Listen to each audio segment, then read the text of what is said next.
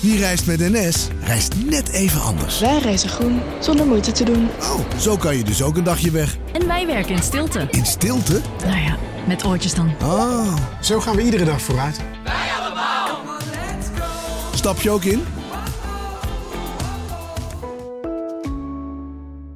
Nieuw Aquarius Red Peach Zero Sugar.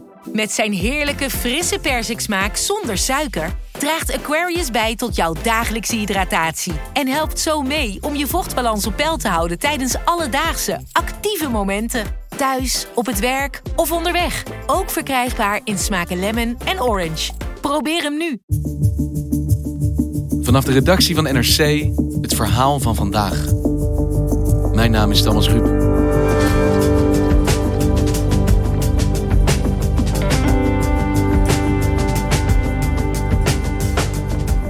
Toen kwam het er opeens toch van.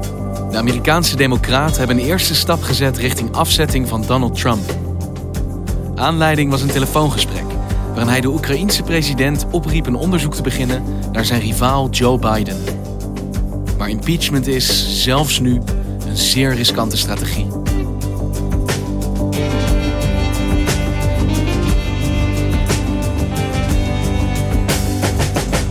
Breaking news an announcement from House Speaker Nancy Pelosi of a formal impeachment inquiry into President Donald Trump.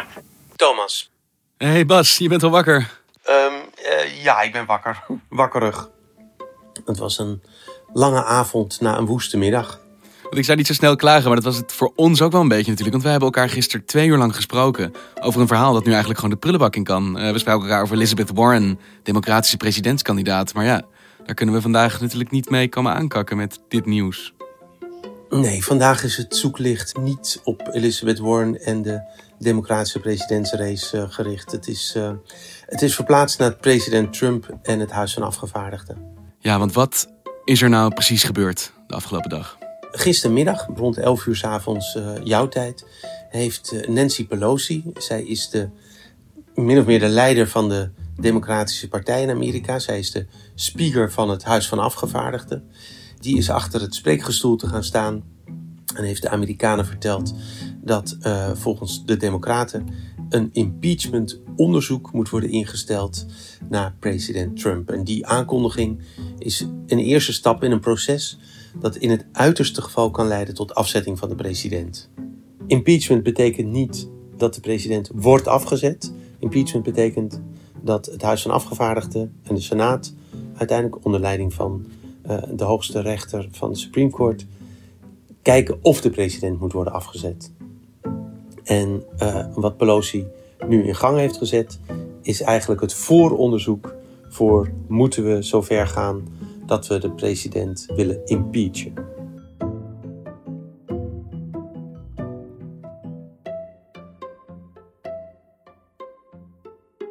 Ik heb het gevoel dat sinds het moment dat Trump als president aantrad, impeachment of die dreiging daarvan uh, om hem heen cirkelde. Het werd steeds genoemd. Wij spraken elkaar op de dag dat het Mueller-report verscheen. We dachten, gaan ze impeachen, gaan ze niet impeachen? En er zijn zoveel van dit soort momenten geweest. Waarom gaan ze dan nu toch voor impeachment?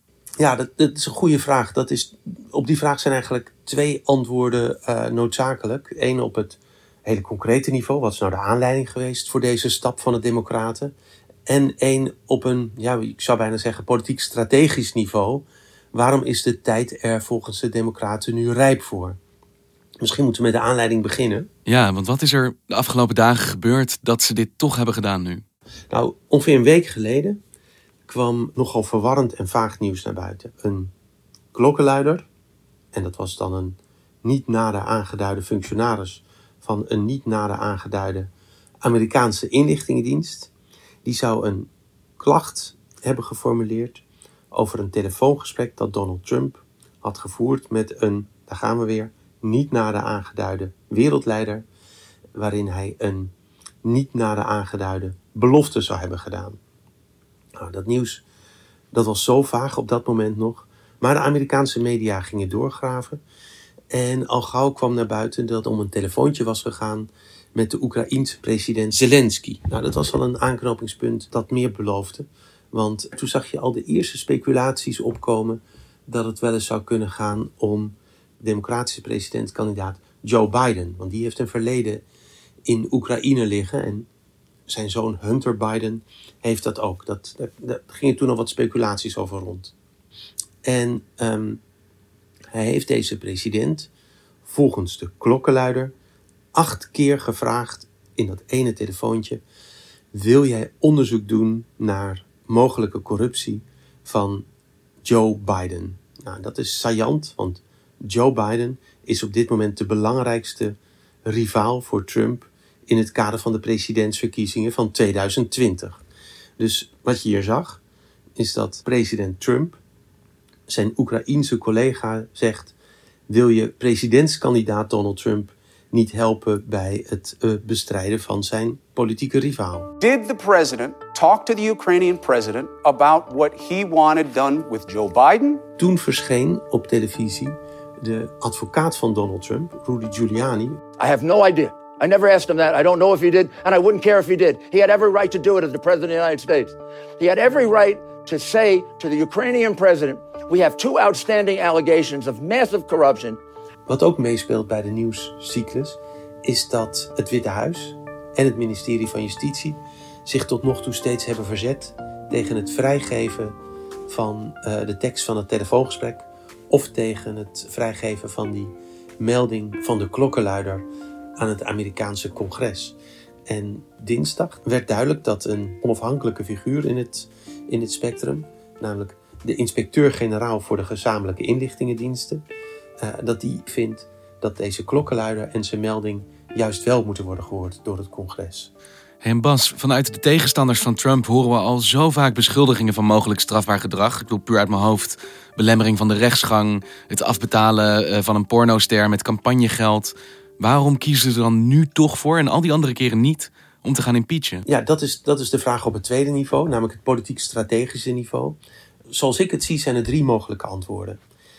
Het eerste mogelijke antwoord is het meest verheven. En laten we eerlijk zijn, dat zal dus wel niet het geval zijn.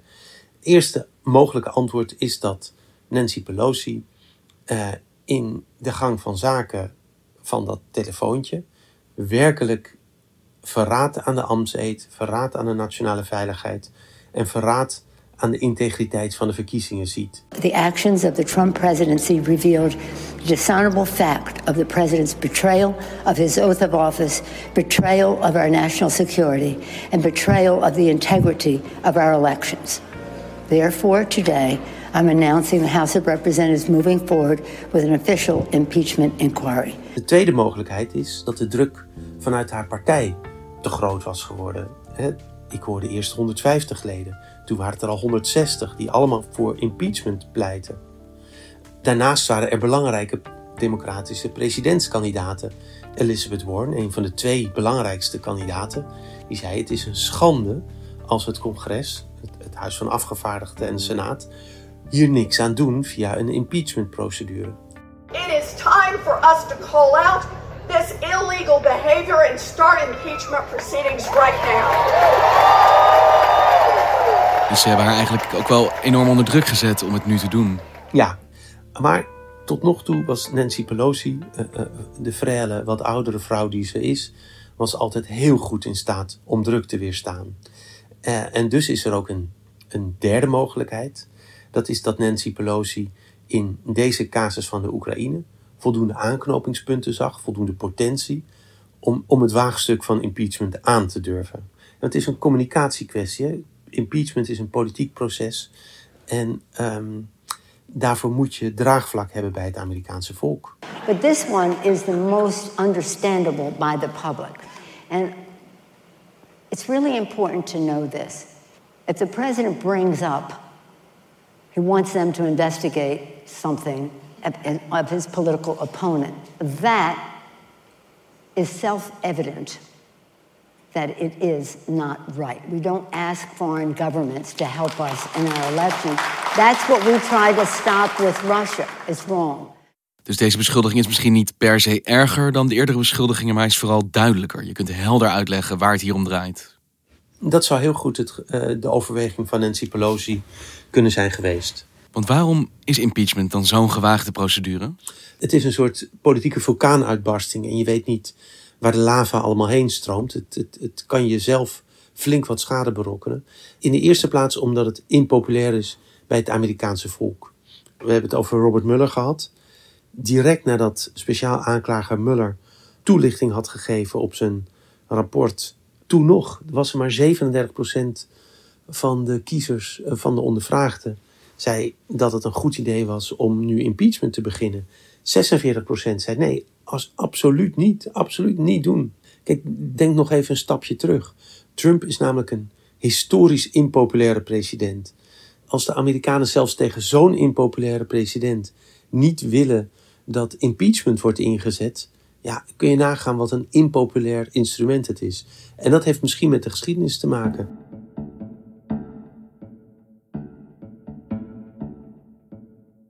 Want wat is die geschiedenis van impeachment in Amerika? Impeachment is een zeldzaam verschijnsel in de Amerikaanse politiek. Uh, uh, de eerste keer was in het begin van de 19e eeuw, daar, daar waren jij en ik niet bij. Um, met een president die Andrew Johnson heette. En maar de tweede keer, dat, uh, dat was toen impeachment dreigde voor president Nixon. Je weet, die lag onder vuur in het Watergate-schandaal. Toen, toen bleek dat hij zijn, zijn ondergeschikte opdracht had gegeven om de Democraten te saboteren, af te luisteren, al dat soort dingen.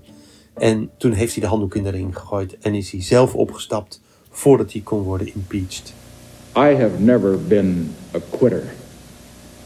But as president, I must put the interests of America first. I shall resign the presidency effective at noon tomorrow.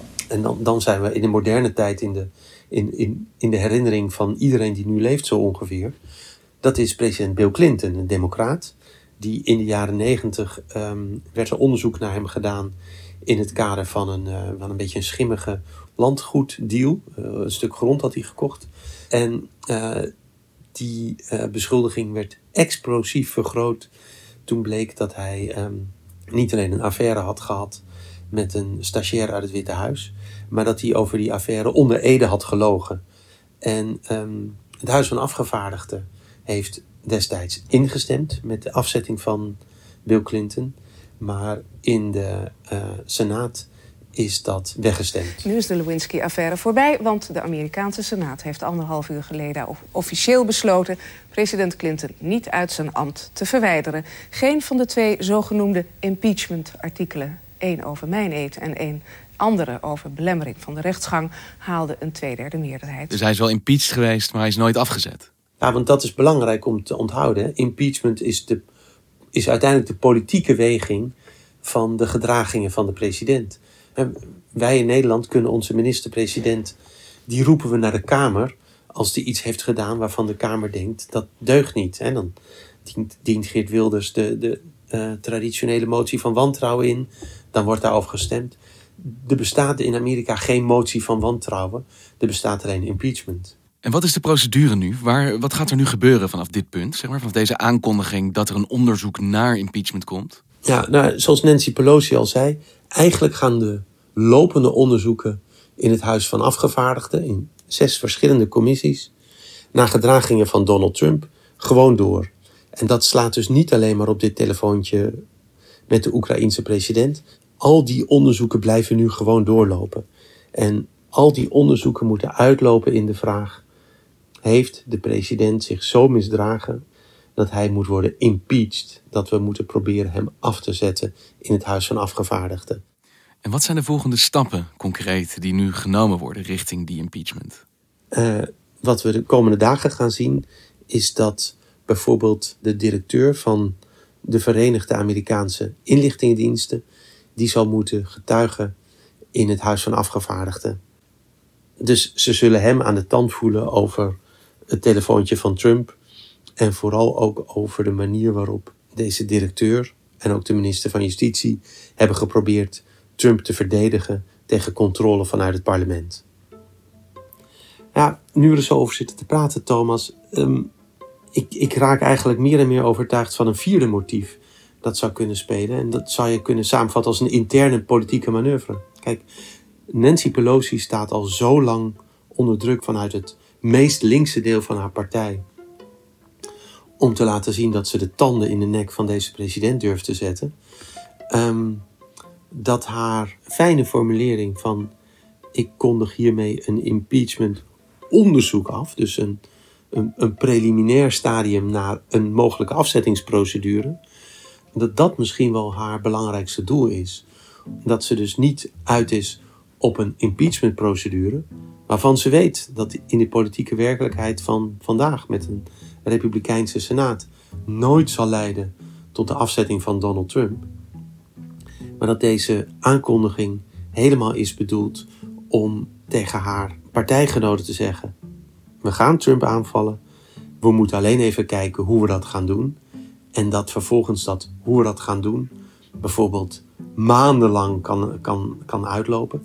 Dat ze bijvoorbeeld aan het eind daarvan concluderen: Nou, volgens mij zit er toch geen impeachment in. Snap je? Zij doet hier iets wat, wat politieke strategen altijd doen: uitstel creëren, ruimte creëren, waarbinnen ze weer nieuwe politieke en strategische opties hebben.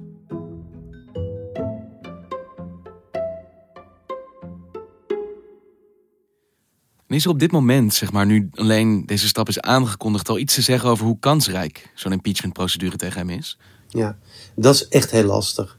Ehm, ik, ik heb van een historicus uh, begrepen dat, um, dat de populariteitscijfers van Nixon op het laatst naar 20% waren gedaald.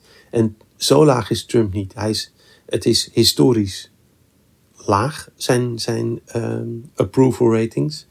Maar ze zijn wel consistent. En onder republikeinse kiezers krijgt hij heel veel steun. Echt, dat is historisch hoog. It's just a Democrat witch hunt. Here we go again. They failed with Russia. They failed with recession. They failed with everything. And now they're bringing this up. The one who's got the problem is Biden. En dit is precies waarom Nancy Pelosi tot nog toe uh, aarzelde voor impeach, over impeachment. Namelijk, we verdelen het land. De harde aanhang van Donald Trump wordt hier alleen maar harder van.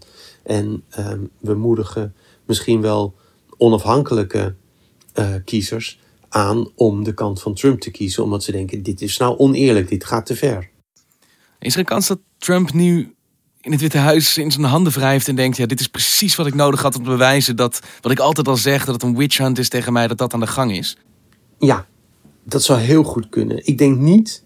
Sommige mensen zeggen zelfs dat Trump dit misschien wel in, allemaal op touw heeft gezet. Dat hij, dat hij de, uh, de kracht is achter die anonieme klokkenluider. Zover wil ik niet gaan. Dat weet ik niet. En ik geloof het eerlijk gezegd niet. Maar Trumps hele politieke strategie is een nederlagenstrategie. Het is een beetje zoals iemand met een, die, die een minder- en een meerderwaardigheidscomplex afwisselt. Dit zit natuurlijk helemaal aan de zielige kant van zijn schaakbord. Dat hij kan zeggen: alle aandacht wordt op mij gericht. Terwijl de enige echte misdadiger in dit hele spel Joe Biden is. En niemand let nu meer daarop. Breaking news related to the impeachment investigation of President Trump. The Department of Justice and the White House have just released the transcript of the July 25th phone call between President Trump and the Ukrainian Hey Bas, ik zie net je appje binnenkomen. Uh, het transcript is er, het gesprek. Ja, heel goed, heel goed dat je belt. Ja, tien uur onze tijd, vier uur jouw tijd is het, uh, is, is het memorandum van het gesprek van, uh, tussen president Trump en president Zelensky van, van Oekraïne vrijgegeven. Dus, en wat, wat, ik heb, wat staat er? Ik heb met rode oortjes zitten lezen. En Trump denkt dat dit hem ontlast.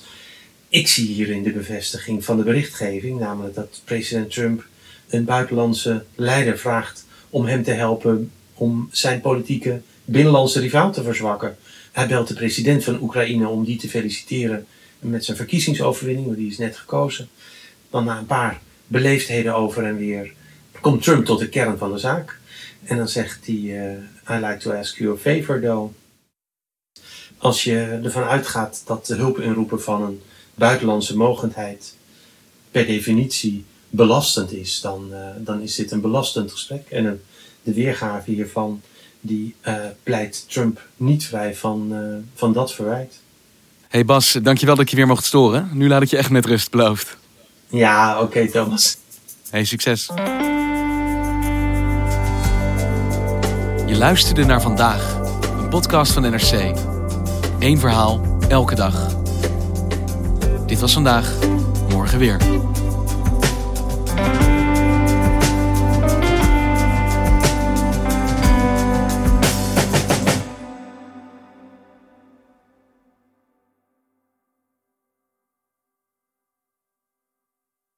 Je hebt aardig wat vermogen opgebouwd. En daar zit je dan, met je ton op de bank. Wel een beetje saai, hè? Wil jij, als belegger, onderdeel zijn van het verleden of van de toekomst? Bridgefund is een slimme fintech die een brug slaat tussen de financiële behoeften van ondernemers en van beleggers. Dus wie belegt bij Bridgefund krijgt niet alleen een mooie vaste rente, maar brengt ook ondernemers in beweging. Echt waar, met die ton kan je zoveel betere dingen doen. Bridgefund. Make money smile.